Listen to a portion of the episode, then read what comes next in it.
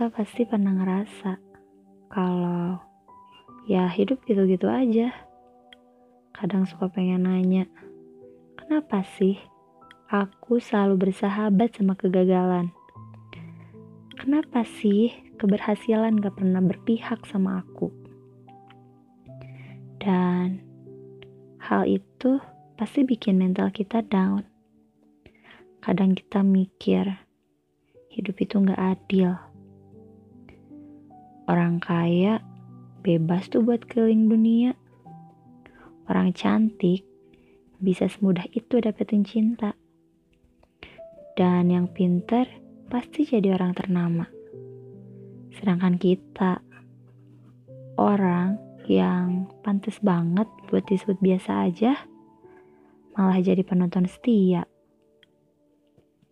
Yang bakatnya ya cuma nontonin orang bahagia Hah, apalagi sekarang. Rasanya tahun ini berat banget. Masalah gak datang satu persatu. Tahu kan, ini tuh malah nyerbu. Kadang suka pengen bilang, buat masalah, kalau datang jangan rombongan ya. Aku suka kewalahan. Masalah satu belum kelar, Eh, malah datang masalah 2 sama 3. Terus, aku kira itu aja. Eh, taunya diserbu lagi. Hmm, kejam juga ya. Dan ternyata, satu yang bikin kita terpuruk. Ekspektasi pada dunia yang terlalu tinggi. Sejauh apa pun kita terbang, tetap akhiratlah tempat kembali. Ya, cinta kita pada dunia terlalu besar sampai Tuhan cemburu dan akhirnya memberi luka. Betul, semesta memang tak bisa diduga. Caranya mendewasakan kita sungguh luar biasa.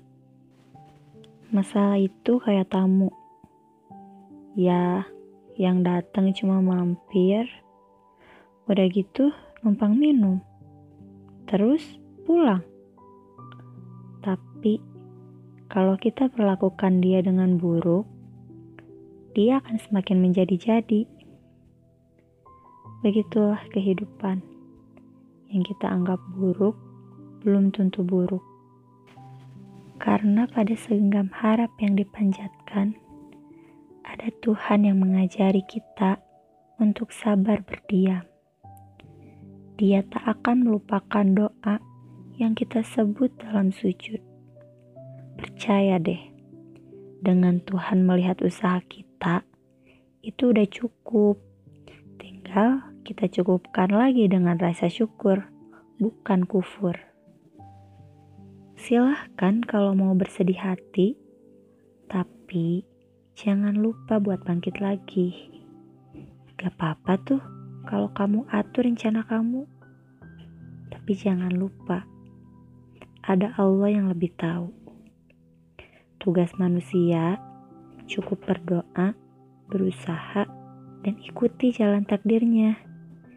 Ya, kalau masalah hasil, biar Tuhan atur gimana baiknya.